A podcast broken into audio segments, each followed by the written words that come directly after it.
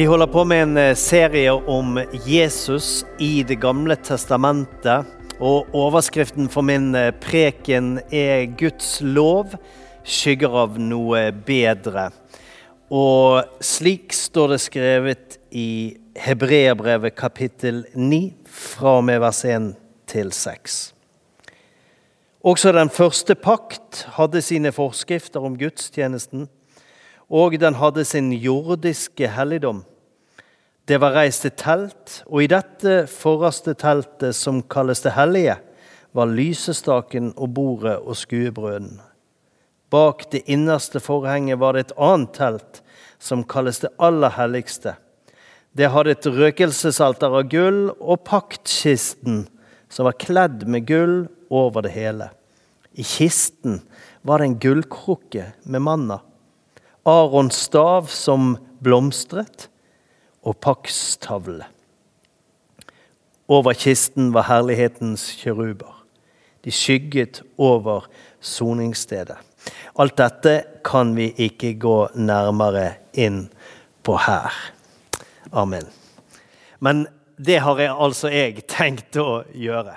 Som sagt, Vi holder på med en serie om Jesus i Det gamle testamentet. og Kanskje du synes det er rart, for Jesus møter jo vi bare i Det nye testamentet, vil noen si. Og Jesu navn finnes vel bare i Det nye testamentet. Og det er for så vidt riktig, men mest så er det helt feil. For Jesus Messias er nemlig Bibelens røde tråd. Og vår påstand som kristne er derfor at vi finner Jesus i hele Bibelen. Navnet Jesus betyr jo 'Herren frelser'. Og det er både hva du og jeg og hvert menneske trenger, og det er hva Bibelens bøker handler om Guds frelse. Men Jesu navn er ikke bare Jesus. Hans navn er et underfullt navn. Under, rådgiver, veldig Gud, evig Far og fredsfryste, sier profeten Jesajas. Og han er Guds ord i første Mosebok. Han er Herren og Sønnen i salmene. Hans navn er Menneskesønnen i Daniels bok. Han er visdommen i ordspråksboken. Han er kongen i det riket som aldri forgår. Som allerede kommet nær, men ennå ikke helt i makt og herlighet.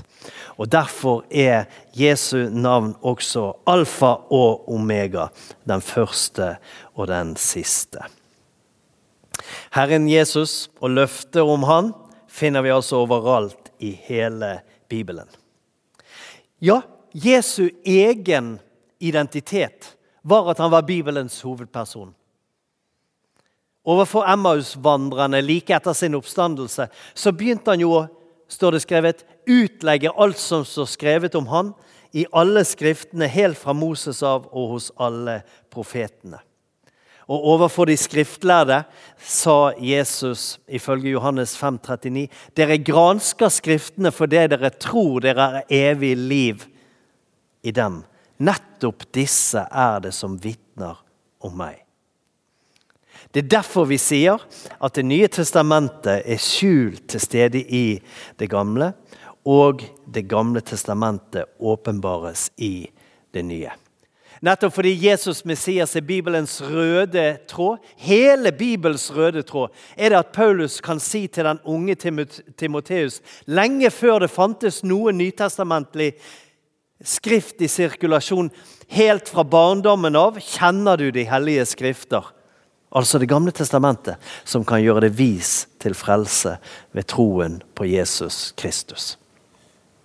Så venner eh, de første kristnes bibel var Det gamle testamentet. Det fantes bare den. Og du og jeg bør gjøre som de første kristne, lese en hel bibel.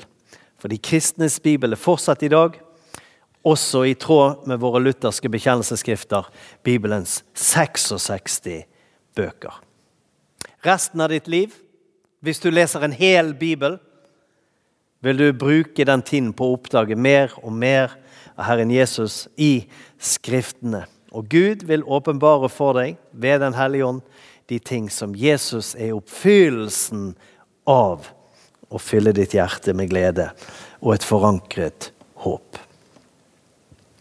Hele Bibelen fra første Mosebok til åpenbaringsboken er Guds kontinuerlige frelseshistorie med sitt folk. Skrevet i løpet av en periode på ca. 1500 år.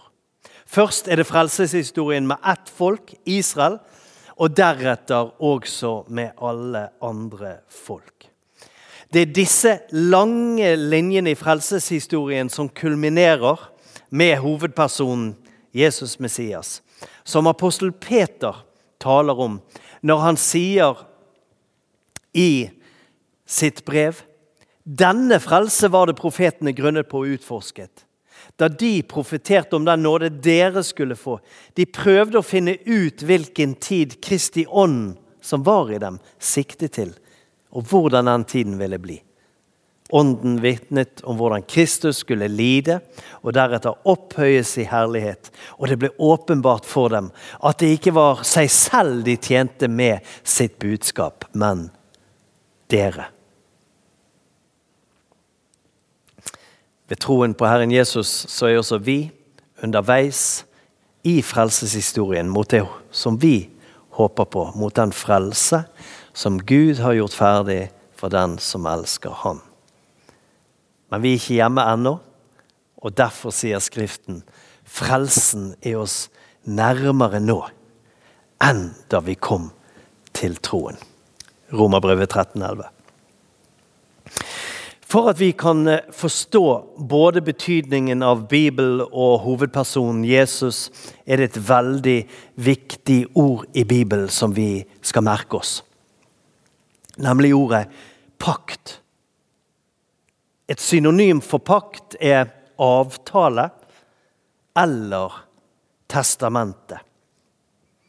Det finnes en rekke pakter i Bibelen, men hovedsakelig er bibelfortellingen om Guds to pakter.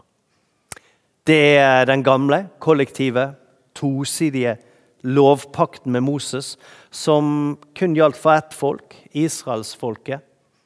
Og den nye nådepakten i Jesus Kristus, som gjelder alle folkeslag. Det er derfor Skriften sier i Det nye testamentet loven og profetene hadde sin tid inntil Johannes. Fra da av forkynnes evangeliet om Guds rike, og enhver trenger seg inn i det med makt. Lovens tosidige pakt som Gud inngikk med Moses og israelsfolket, var basert på et løfte om liv og velsignelse ved lydighet mot loven. Og død og forbannelse over Israel ved ulydighet mot loven. Og Det gamle testamentet er på mange måter fortellingen om at Israels respons på lovens tosidige pakt var alt det Herren har sagt, vil vi gjøre og lyde. Men som de faktisk var ulydige og syndet mot. Det nye testamentet i Jesus Kristus er en ensidig nådepakt som Gud alene innstiftet, som gjelder alle folkeslag, som gir hvert menneske som venner seg til Jesus, del i paktens velsignelser. Den er en Guds gave.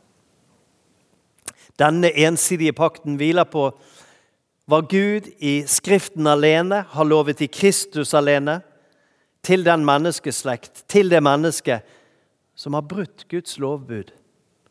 Og nåden alene Gud vil gi for Jesu Kristi skyld til alle dem som ved troen alene setter sin lit til Kristus og hans kors. Denne pakten hva er det egentlig først gitt løfte om til Abraham, da Gud sa til ham Den som velsigner deg, vil jeg velsigne.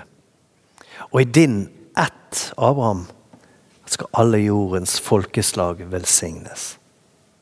Denne nye pakten profeteres også mange steder senere i Det gamle testamentet. F.eks. hos profeten eh, Jeremia i det 31. kapittelet, der det står Se, dager kommer, sier Herren, da jeg vil opprette en ny pakt med Israels hus og med Judas hus. Den skal ikke være som den pakten jeg opprettet med deres fedre.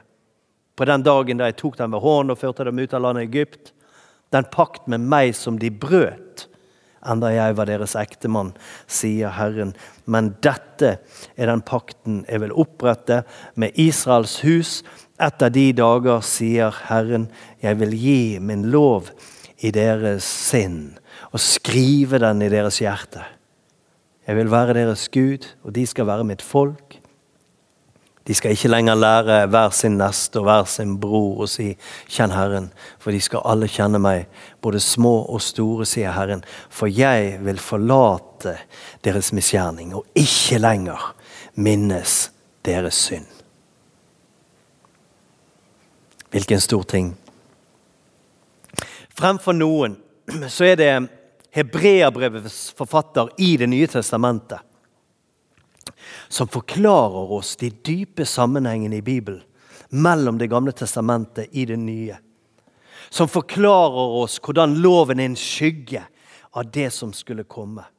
Og Han vil vise oss hvordan det er én som er større enn talsmannen for den gamle pakt, Moses, nemlig Jesus Kristus. Han som er talsmannen for denne nye og bedre pakten, som hviler på bedre løfter. Hebreabrevets forfatter forteller oss at Gud ga Moses en, en slags modell da Israel skulle bygge tabernakelet.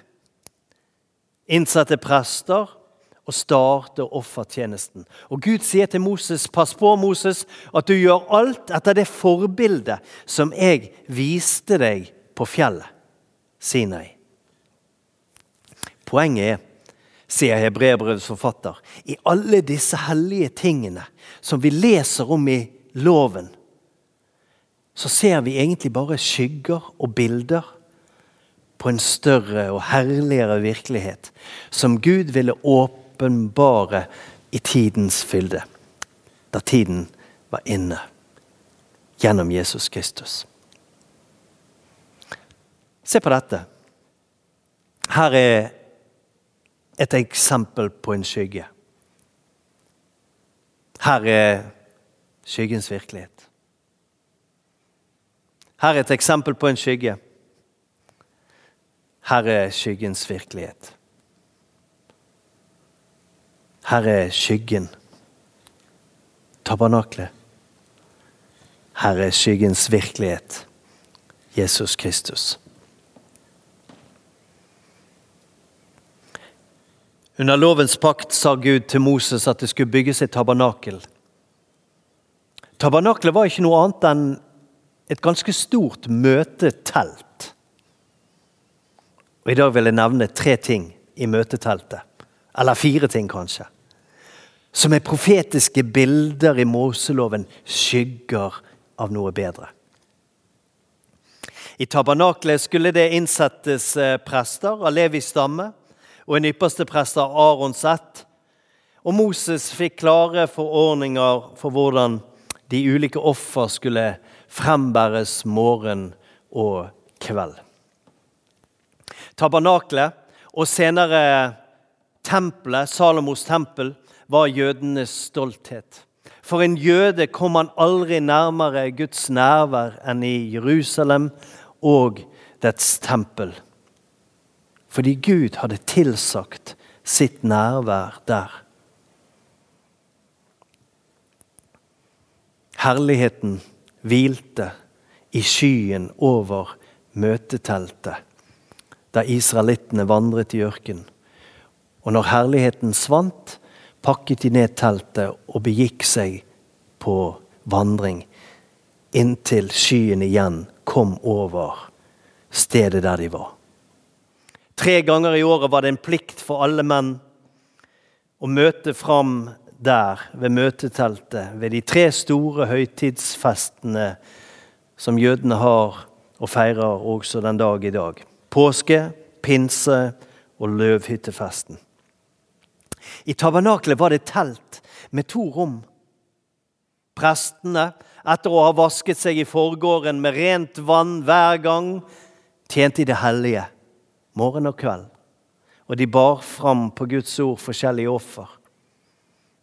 Og i det hellige brant lyset fra den svære, seksarmede lysestaken dag og natt. 24-12. Så det skulle være lys for Guds prester. Du ser det på bildet her. Men det fantes ingen større virkelighet enn når øverstepresten gikk inn gjennom det ti centimeter tykke teppet til det aller helligste. I det aller helligste der eh, fantes eh, nådestol, eller soningslokket, som var et kistelokk av rent gull. Du ser det på bildet. Og Gud eh, sa til Moses, og jeg vil komme sammen med deg der, fra nådestolen, mellom begge kjerubene som er på vitnesbyrdets ark. Der vil jeg tale med deg om alt jeg vil pålegge deg å si til Israels barn. Selve paktskisten som nådestolen hvilte oppå. Selve paktskisten var av akasietre, men kledd med rent gull. Og inni paktskisten, skjult for alle, lå tre ting. Guds ord, de ti bud skrevet med Guds finger. For det annet ypperstepresten Arons stav som blomstret. Som var tegnet på at det var Aron og hans slekt som Gud faktisk hadde utvalgt da det på Moses' tid ble strid om det virkelig var han som var ypperste presten, eller om kanskje det også andre kunne få del i denne tjenesten. Staver ble lagt frem, og det viste seg dagen etterpå at Arons hyrdestav hadde blomstret. Den tørre staven hadde slått eh, nye skudd. Den ble lagt som et minne i paktens ark. Og for det tredje, i paktskisten var det en krukke med manna. Som skulle minne om maten israelsfolket hadde spist under ørkenvandringen. Men inn i det aller helligste, der disse tingene fantes skjult, kunne bare ett menneske gå inn. Ypperste presten, og bare én gang i året, på den store forsoningsdagen, Israels høyhellige dag. På den dagen, i det aller helligste, ble offerblodet stenket på nådestolen, og folkets synder ble bekjent og hendene ble også lagt på en syndebukk som ble drevet ut i ødemarken for å dø. Hvert eneste år, én gang om året, gjorde ypperstepresten dette på Guds ord. Han ofret for seg selv og for folket. Alt dette forteller den dype sannheten om menneskets synd og om Guds hellighet, men også om Guds nåde og forlatelse. Det var skygger av en virkelighet som skulle bli åpenbart. Under det vi kaller for nådens tidshusholdning. De var skygger av en bedre virkelighet. Og hva slags virkelighet er det disse lovens forordninger peker på? Jo, for det første du og jeg trenger fortsatt å møte Gud på et bestemt sted som han har utvalgt seg. Du og jeg kan i dag møte Gud på et bestemt sted, hvor han har tilsagt sitt nærvær spesielt, og vil velsigne deg med all åndelig velsignelse. Dette møtestedet er ikke en lokasjon, men det er en person den aller helligste personen som har levd. Guds sønn, menneskesønnen Jesus Kristus. Det nye testamentet sier om han, for i ham bor hele guddommens fylde legemlig. Ja, det er i han, Jesus Kristus, at Gud også i dag taler til oss om alt han vil at vi skal vite. Og Bibelen forteller at han i tiden slo opp sitt telt. Han tabernaklet seg. Han tok bolig midt iblant oss. Hvert menneske trenger fortsatt en som kan gjøre prestetjeneste for oss. For at vi for tid og evighet kan få bo i Guds nærvær. Men fordi det aller helligste ikke var åpent for andre enn ypperstepresten, så indikerte det på en måte at veien inn til Gud ikke er åpen. Den åpnes bare fullt og helt for alle i Jesus Kristus, den sanne ypperstepresten. Vi leser om i Det nye testamentet at da Jesus ga seg selv på Golgata, så revnet forhenget i tempelet, i det aller helligste, fra øverst til nederst. Virkeligheten av skyggen sier Hebreabrevets forfatter, er denne. Brødre, vi holder altså Jesu blod frimodighet til å gå inn i helligdommen. Til den har han innviet for oss en ny og levende vei gjennom forhenget. Det er hans kropp. Og vi har en stor prest over Guds hus. De daglige og årlige ofrene i tempelet var nemlig en konstant påminning både om syndens virkelighet, hellighetens nødvendighet, og at offer av bukker og kalver ikke kunne gjøre de rene en gang for alle som ofret. For ellers hadde du jo på et tidspunkt sluttet med disse ofrene. Men om Jesu offer på korset står det ikke med blod av bukker og kalver, men med sitt eget dyrebare blod gikk han inn i helligdommen en gang for alle og vant en evig forløsning.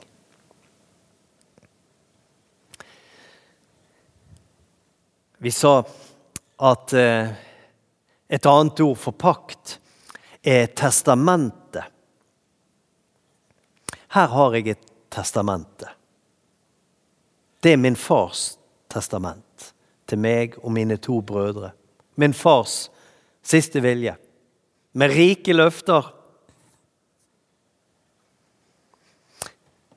Hva må skje for at jeg kan få det som er skrevet i dette testamentet? Det som her er lovet. Er det noen av dere som våger å si det høyt? Min far må dø. Ja. Hebreabrevets forfatter sier nettopp dette.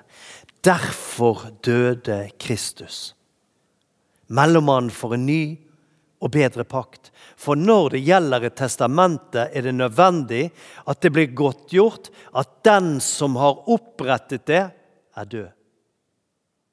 For et testament blir først gyldig når han dør, siden det aldri trer i kraft så lenge den som opprettet det, er i live. Derfor ble heller ikke den første pakt innviet uten blod. Jesus opprettet den nye pakten. Han er Herren som opprettet den nye pakten ved sin død for oss. Og med sitt blod vant han for oss en evig forløsning fra all synd. Og han sa disse underlige ordene til sine disipler da de feiret påskemåltidet. Og han rakte dem begeret og sa, 'Drikk alle av det, for dette er mitt blod, som utøses for mange til syndenes forlatelse'. Ja, hvert menneske, du og jeg, trenger nemlig syndenes forlatelse og det å bli rettferdig for Gud, for å kunne stå i Hans nærvær for tid og evighet. Det er dette Jesus ga oss med sin død. Hebreabrevet 7 oppsummerer dette slik. For en slik ypperste prest var det vi måtte ha, hellig, uskyldig, ren, skilt fra syndere og opphøyet over himlene. En som ikke daglig trenger til, lik yppersteprestene, å bære frem offer, først for sine egne synder og deretter for folkets. For det gjorde han en gang for alle, da han ofret seg selv for oss. For loven innsetter skrøpelige mennesker som ypperste prester.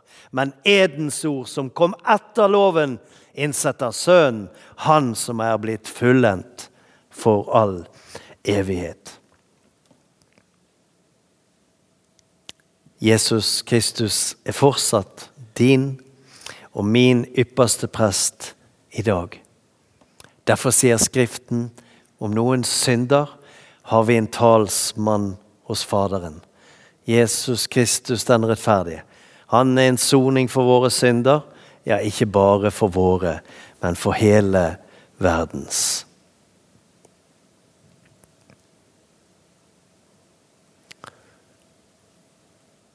Vi snakket i sted om det som fantes inni paktens ark.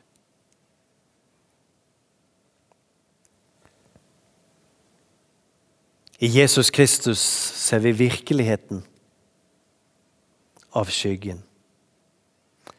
Jesus er det hellige, levende, inkarnerte Guds ord. Han som var skjult, men som ble åpenbart for verden, og som har oppfylt Guds lov for oss, både ved sitt hellige og syndfrie liv for oss, og ved sin soningsdød for oss. Jesus er Guds levende ord. Jesus er virkeligheten av ypperstepresten Arons stav som blomstret. I likhet med menneskelige prester i den gamle pakt døde Jesus. Men venner, Jesus Kristus lever. Apostelen Paulus sier jo i Romerbrevet 1 han er ved hellighetsånd godtgjort å være Guds veldige sønn ved oppstandelsen fra de døde. Og fordi døden ikke hadde det siste ordet i Jesu Kristi liv, men livet fikk det siste ordet, da kan vi også vite at det han sa, han som er veien, sannheten og livet, var sant. Det er fullbrakt.